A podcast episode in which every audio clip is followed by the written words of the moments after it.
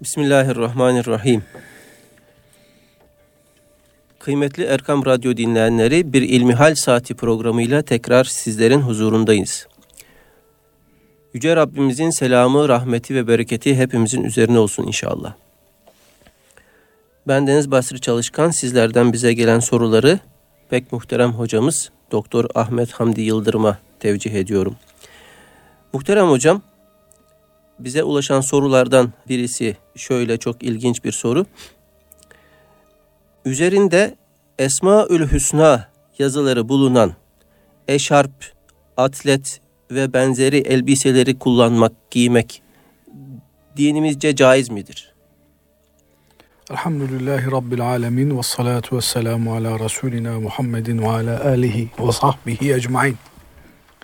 Esmaül Hüsna Cenab-ı Allah'ın en güzel isimleri. En güzel isimler Cenab-ı Allah'a aittir. Kur'an-ı Kerim velillahil esmaul husna fed'uhu biha buyuruyor. En güzel isimler Esmaul Hüsna Allah'a aittir, Allah'ındır. Bu isimlerle Allah'a dua ediniz, yalvarınız, yakarınız buyuruyor. Evet. Dolayısıyla Esmaül Hüsna münacatta, duada Allah Teala'ya arzu ubudiyet ederken, kulluğumuzu sergilerken müracaat edeceğimiz, dile getireceğimiz isimlerdir. Ya Allah, Ya Rahman, Ya Rahim Celle Celaluhu. Bu esma ile Cenab-ı Allah'a dua ederiz. Dualarımızın başına bu esmayı şerifeleri, Allah'ın güzel isimlerini, Esmaül Hüsna'yı kullanarak, bu lafızları telaffuz ederek başlarız. Bu lafızlar, bu isimler Cenab-ı Allah'ın sıfatlarını taşıyan, bize Rabbimizi hatırlatan, onun hallerini bize bildiren, Rahman, Rahim, rahmet sahibi olan Allah'ım. Efendim, Ya Bedi'as semavati vel ard, yerleri ve gökleri eşsiz bir şekilde yaratan Rabbim. Ve diğer bütün Esmaül Hüsna birer tefekkür levhasıdır. Bizlerin bu isimlerin manalarına yoğunlaşmamızı sağlayan, o manalarla yoğrulmamızı, derinleşmemizi temin eden önemli düşünce ve yoğunlaşma isimleridir.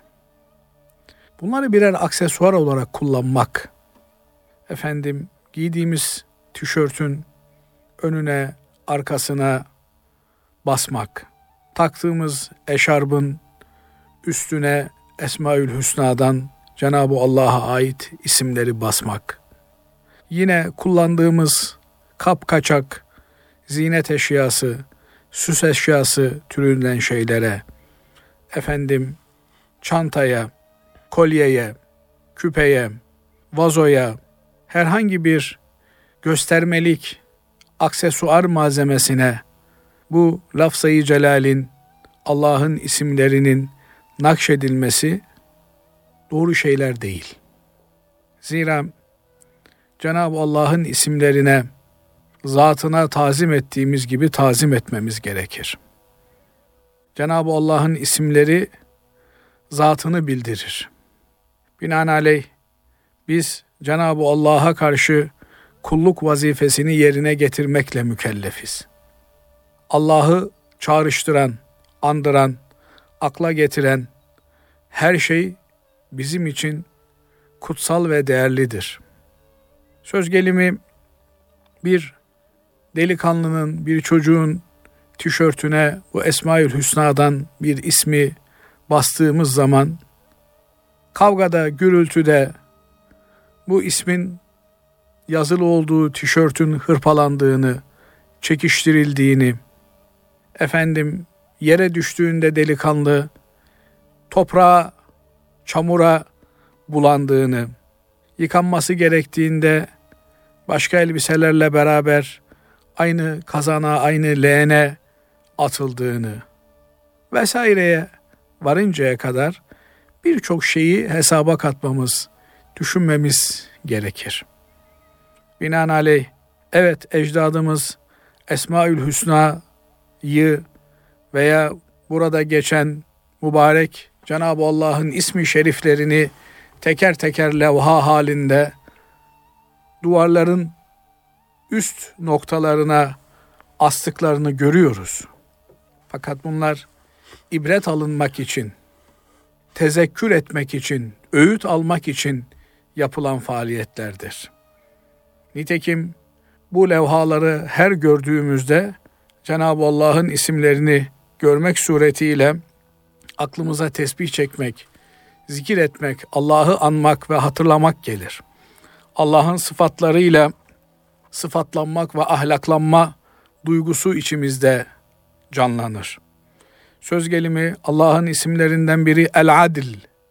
Adalet sahibidir Cenab-ı Allah. Evet. Binaenaleyh bu ismi şerifi gördüğümüzde adalet etmenin, adaletli olmanın, zulümden uzak durmanın ne kadar önemli olduğunu hatırlarız.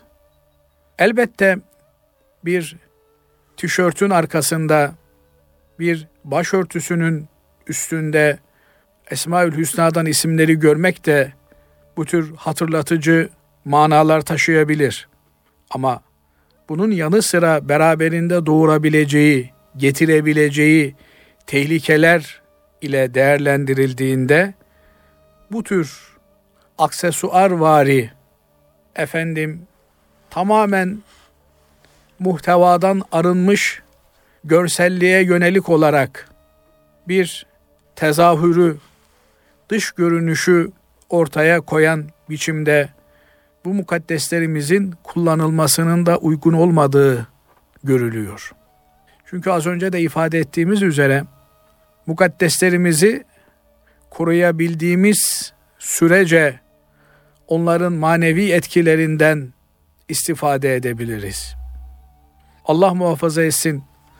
Cahiliye Araplarının yaptığı veya işte günümüz modern cahillerinin yaptığı şekilde bir müddet tapınıp bir müddet sonra acıktıklarında yiyecek ihtiyacı duyduklarında putlarını yiyen dolayısıyla dün önüne secde ettikleri, saygı gösterdikleri, helvadan yaptıkları putu karınları acıkınca yemek suretiyle ve belki bir müddet sonra da dışarıya çıkartmak suretiyle ihanetin en büyüğünü cahiliye Arapları ve bugünün bir takım modernist cahilleri yapmakta.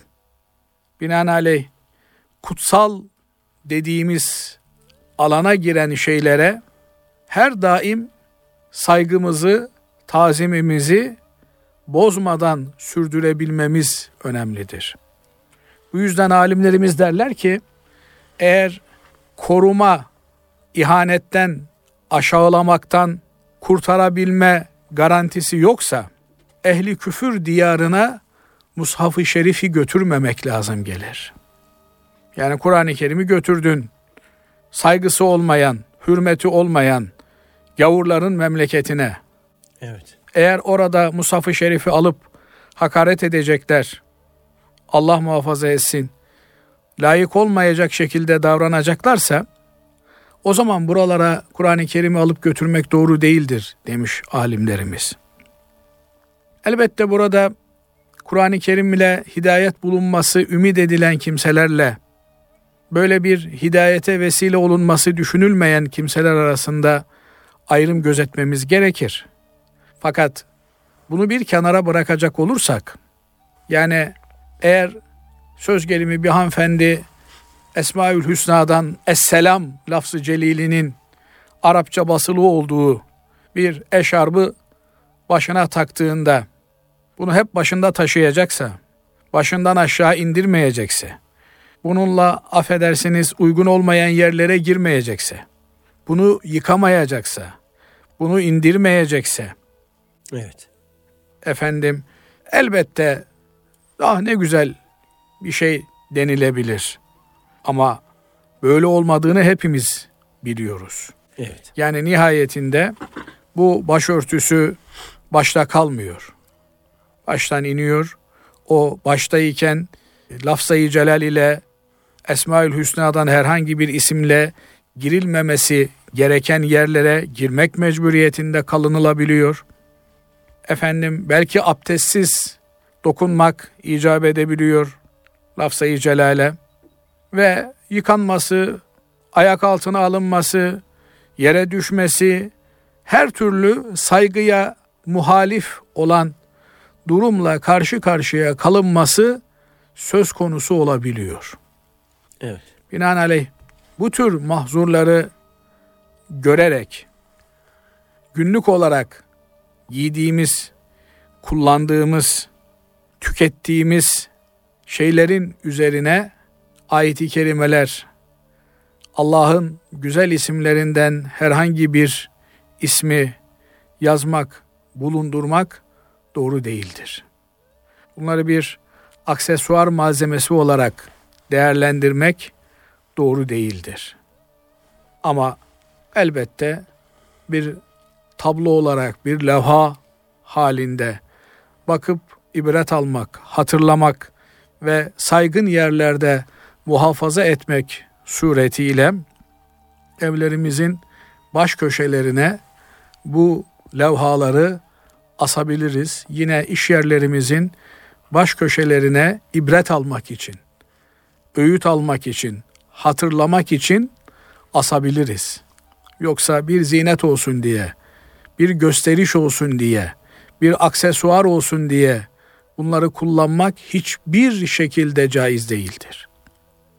Manasını bilmeden, muhtevasını bilmeden, efendim odanın renk uyumuna uygun Evet. perdelerle bir ahenk arz ediyor diye Kur'an ayetlerini Esmaül Hüsna'yı Hazreti Peygamber Aleyhisselatü vesselam Efendimizin sözlerini bu süfli, değersiz, adi maksatlarla kullanmak, tüketmek asla caiz olamaz. Ama Evet. buradan bir ibret almak, buradan bir öğüt almak, nasihat almak, ders almak söz konusuysa elbette her tarafa, her yere bunları yerleştirmek, asmak, bulundurmak lüzumludur, gereklidir. Evet. Allah razı olsun muhterem hocam. Diğer bir sorumuza e, geçmek istiyorum. Tabii yeni bir yıla girdik. Sorumuz enflasyon farkı faiz olur mu? Evet, her gün aslında bir yeni yıl. Evet. Çünkü yıl 365 gün her günle beraber bir 365'i devirmiş oluyoruz. Binaenaleyh Hicri yılbaşımız çoktan geçti. Şimdi dördüncü ayındayız Hicri Evet. yılımızın. Miladi yılbaşı daha geçenlerde geçti. Buradan hareketle enflasyon meselesi belki mali hesaplar şemsi takvime göre, miladi takvime göre yapıldığı için daha fazla gündeme geliyor. Fakat şunu unutmamak lazım ki paranın alım gücü demek olan paranın değerinin satın alınan tüketilen mallar karşısında değişmesi zaptu rapt altına alınabilecek yani kesin olarak verilebilecek bir değişim değildir. Söz konusu bugün itibarıyla işte patatesi, soğanı çarşıda, pazarda, markette 70-80 kuruştan tutun da 1 liraya, 1,5 liraya kadar alabiliyorsunuz. Ama geçen sene aynı dönemde patatesin fiyatı 3 liraya, 4 liraya kadar çıkmıştı. Evet. Dolayısıyla baktığınızda geçen sene 4 liraya 1 kilo patates alırken bu sene 4 liraya 5 kilo patates alabiliyorsunuz. Binaenaleyh para kullandığımız memleketimizde tedavülde olan Türk lirası patatese karşı bu yıl değer kazanmış görünüyor. Peki enflasyon denilen olay neye göre hesap ediliyor? Bir enflasyon sepeti var. Bu sepetin içerisine giren çok farklı kalem mallar bulunuyor. Bunun içerisinde kedi mamasından tutun köpek mamasına varıncaya kadar bir sürü halkın pek çoğunun ilgilenmediği maddeler, kalemler bulunuyor. Bunların tamamının Türk lirası karşısındaki değişimi göz önünde bulundurularak şu kadar bir fark oluşmuş. İşte bu fark da enflasyon farkıdır deniyor. Binaenaleyh sizin gerçek anlamda paranın değerinin neye göre düşüp neye göre değerlendir değer kazandığını tespit edebilme imkanınız bulunmuyor. Böyle de olunca bizim açımızdan paranın reel değerinden çok nominal, rakamsal değeri zaptu rapt altına alınabilir olduğundan ki altın da olsa mesela altın ile atıyorum bir gram altınla geçen sene işte ne kadar bugün altının gramı 120 lira mı 100 lira mı neyse işte bir gram altınla geçen sene 25 kilo patates alıyordun. Bu sene bir gram altınla efendim 100 kilo patates alabiliyorsun. Binaenaleyh geçen seneden bu seneye patates karşısında altının bir gramının satın alma gücü artmış bulunuyor. Evet. Bir başka mal cinsinden hesap ettiğinde belki de düşmüş bulunuyor. Binaenaleyh burada altın söz konusu olduğunda da altının göreceli olarak başka mallara nispetle işte efendim dolara, euroya, para birimlerine göre de nispetle değer kazandığını, değerinin düştüğünü görebiliyoruz. Binaenaleyh burada sabit olan, değişmez olan bir değere ihtiyacımız var. Yani bir ölçü birimine ihtiyacımız var. Yani bakkala gidiyoruz. Evet. Bir kilo şeker alıyoruz. Şekeri nasıl tartıyor? Terazinin bir kefesine bir kiloluk demir parçasını koyuyor. Diğer kefesine şekeri koyuyor ve eşitlemeye çalışıyor. Biraz şeker ağır bastı mı tamam diyor bir kilo oldu ve paketi veriyor size. Eğer bu terazinin sabit olan kefesindeki bir kilo değişiyorsa bazen 900 gram bazen 1 kilo 50 gram oluyorsa burada bir düzensizlik bir adaletsizlik var demektir. O kefenin sabit olması lazım. Evet. Söz konusu enflasyon olduğunda sabit bir kefeyi bulamıyorsunuz.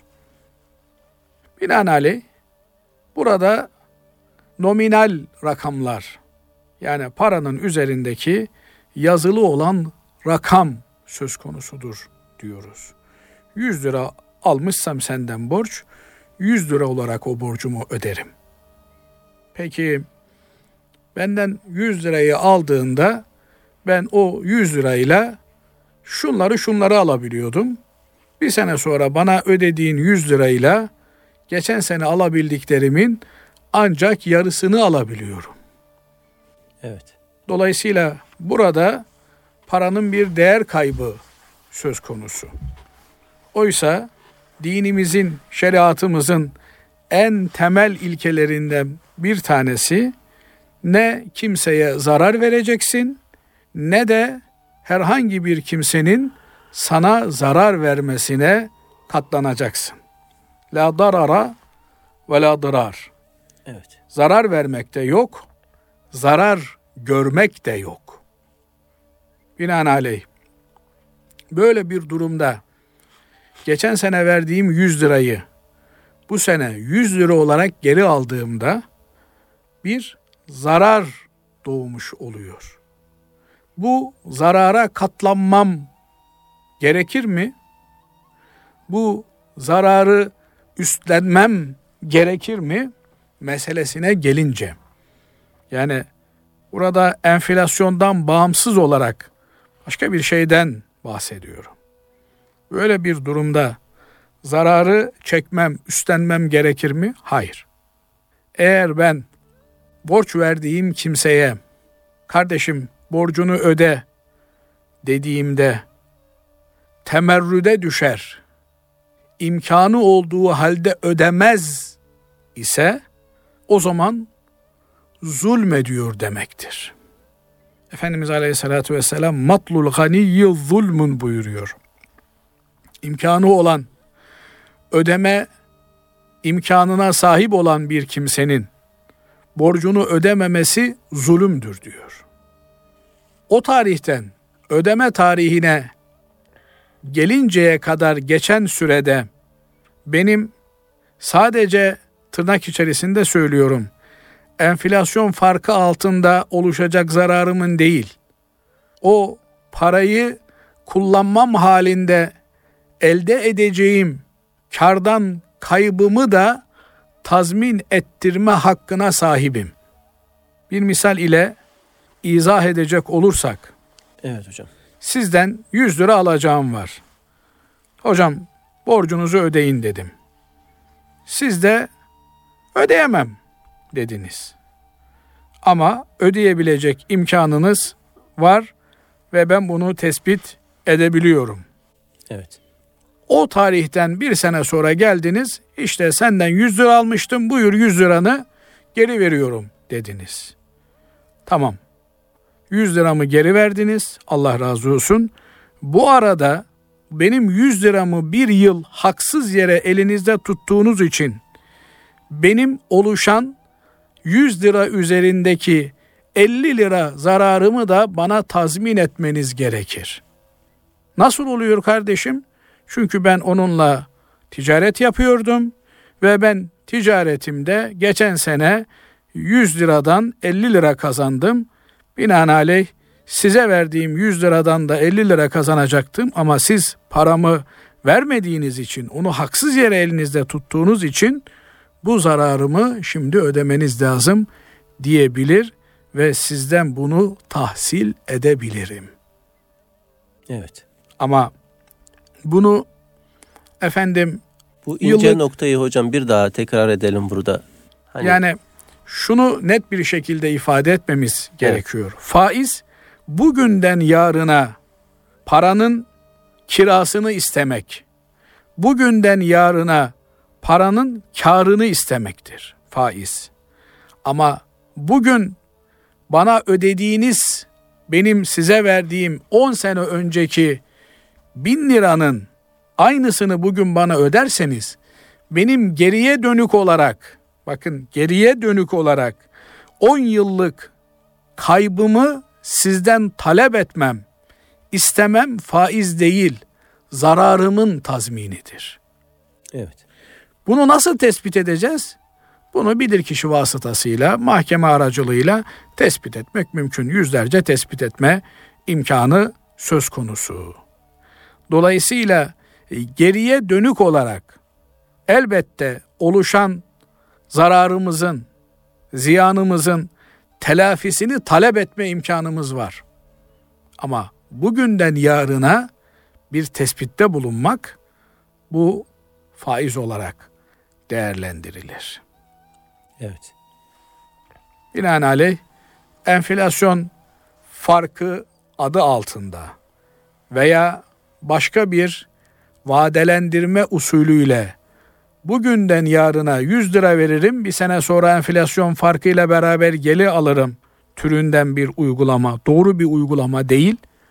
Ama 3 sene 5 sene önce verdiğiniz bir borcun bugün aynısıyla rakamsal olarak ödenmesi durumunda eğer bir haksız bekletme varsa, haksız ödeme varsa bunun geriye dönük zarar ve ziyanını talep etme hakkınız bulunuyor. Bunu söylemeye çalışıyorum. Allah razı olsun.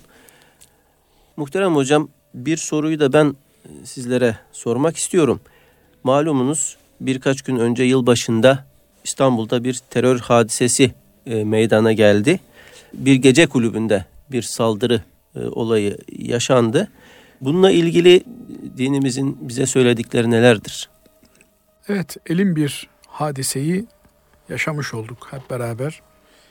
Ve maalesef artık bu tür vahşice katliamlar, cinayetler işlendiğinde canlı yayınlar vasıtasıyla sanki 24 saat gözümüzün önünde canlı bir şekilde bütün serencamıyla bir şerit gibi akıp gidiyor.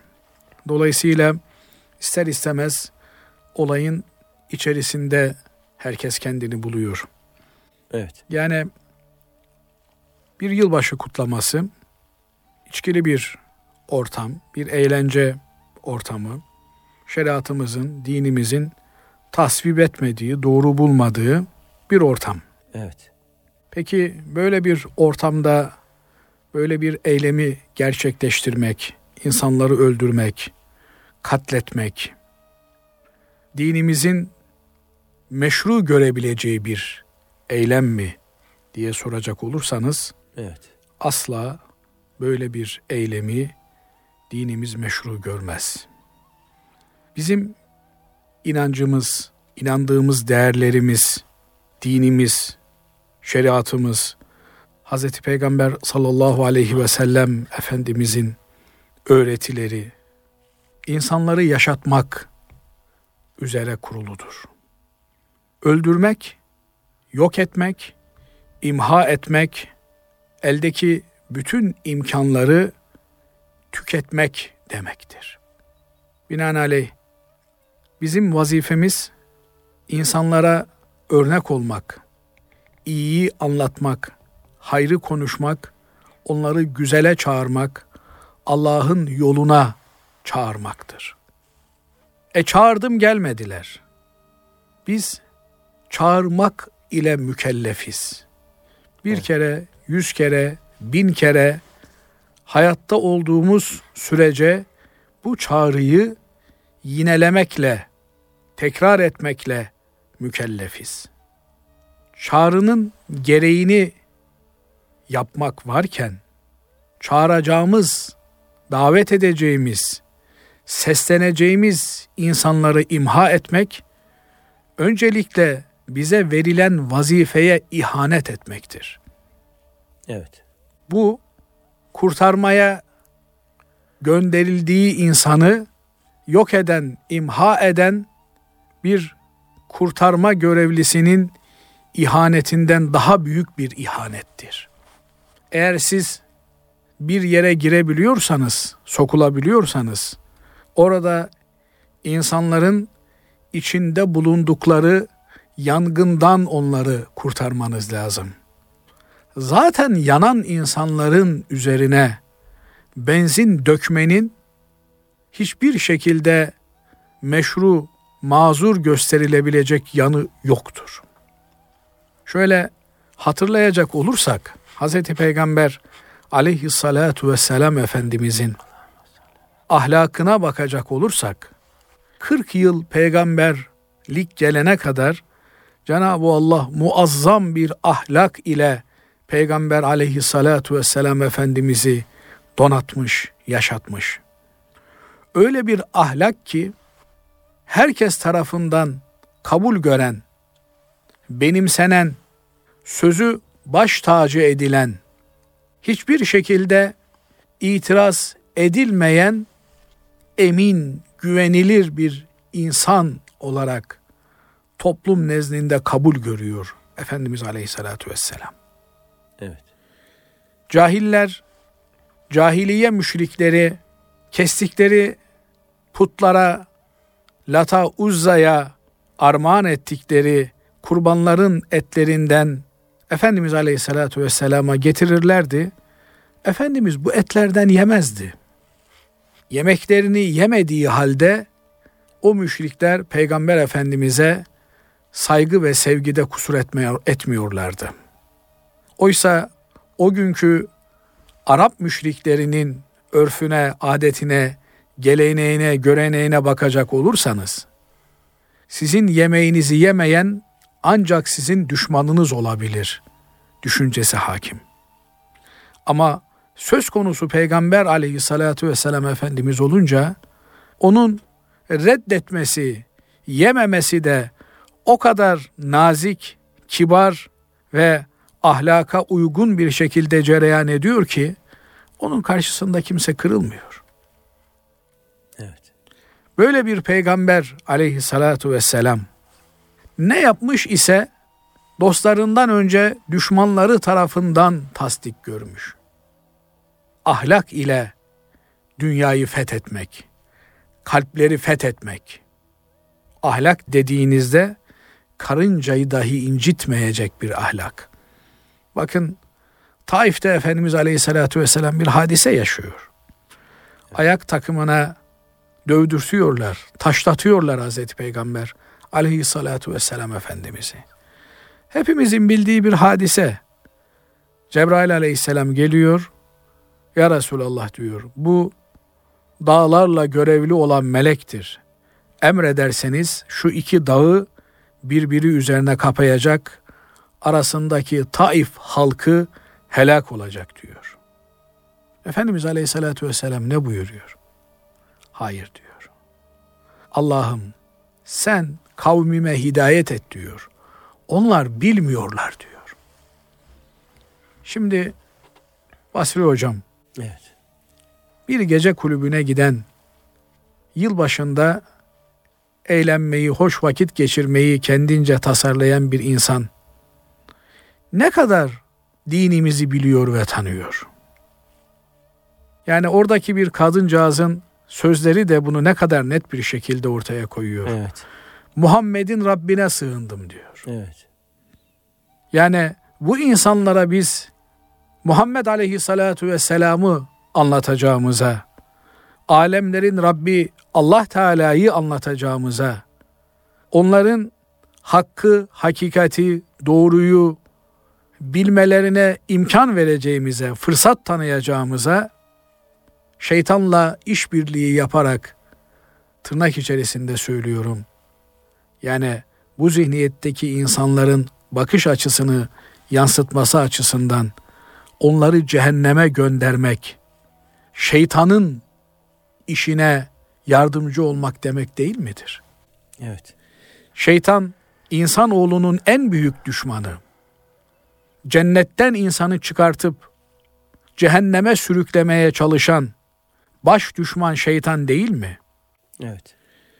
Öldürmek suretiyle eğer iman etmeleri fırsatını ellerinden alır, tövbe etmeleri imkanını ellerinden alır, hidayet bulma ihtimallerinin önüne set çekersek, o zaman düşmanla, şeytanla aynı hedefi, aynı yolu takip ediyor sayılmaz mıyız?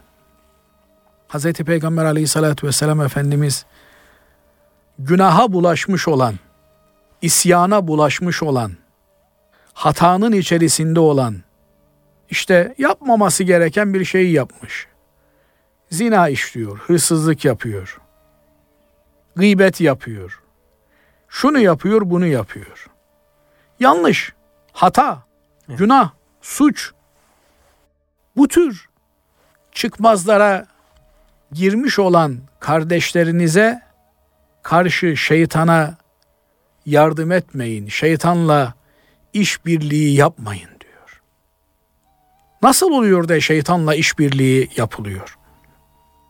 Eğer sen meyhaneye gidiyorsun, sen şuraya gidiyorsun, sen şunu yapıyorsun, sen bunu yapıyorsun, sen şöylesin, sen böylesin diyerek insanları ayrıştırmaya, belli kriterlere ve şablonlara oturtarak dışlamaya başlarsak o zaman şeytanın ekmeğine bal, yağ sürmüş oluruz. Zira şeytan bir takım insanları ana gövdeden ayırmak suretiyle ana yoldan ayırıp patika yollara sevk etmek suretiyle kendi tuzağına düşürmektedir. Kendi avı haline getirmektedir. Binaenaleyh yoldan çıkmak üzere olan, ana caddeden çıkan patika yollara giren kimselere arkadan bir tekmede biz vuracak olursak, o zaman onun ana yola dönmesine, doğru çizgiye gelmesine, hak ve hakikate ulaşmasına en büyük engel biz olmuş oluruz. Şimdi farkında olmadan ne kadar da çok bunu yapıyoruz. İşte filan şöyle dedi, şöyle kötü bir insan, şöyle haysiyetsiz bir insan diye hemen dışlayıcı, reddedici, bölücü, parçalayıcı ifadelerle birbirimizi dağıtıyoruz. Oysa ehli sünnet vel cemaat olmanın en önemli şartı ehli kıble tekfir edilmez. Bakın ölenlerin içerisinde hiç tahmin edemeyeceğimiz cinsiyetten, uyruktan insanlar var. Evet. Yani yedi tane Suudi Arabistanlı, şu kadar Iraklı, şu kadar Suriyeli, şu kadar Lübnanlı, şu kadar Türk vesaire filan. Evet. Yani bu insanlar tamam diyelim ki şeytana uydular. Diyelim ki günah işliyorlar. E peki bizim yapmamız gereken yangına düşmüş olan insanlara su tutmak mı?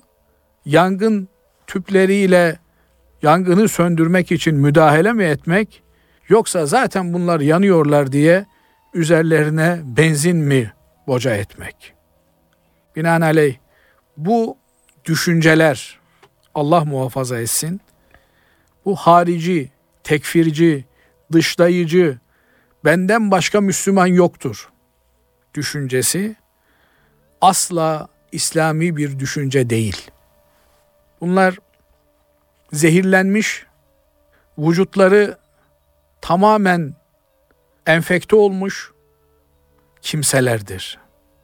Bunlar bugün kendilerine bu emri verenlerin komutlarını yerine getirirler.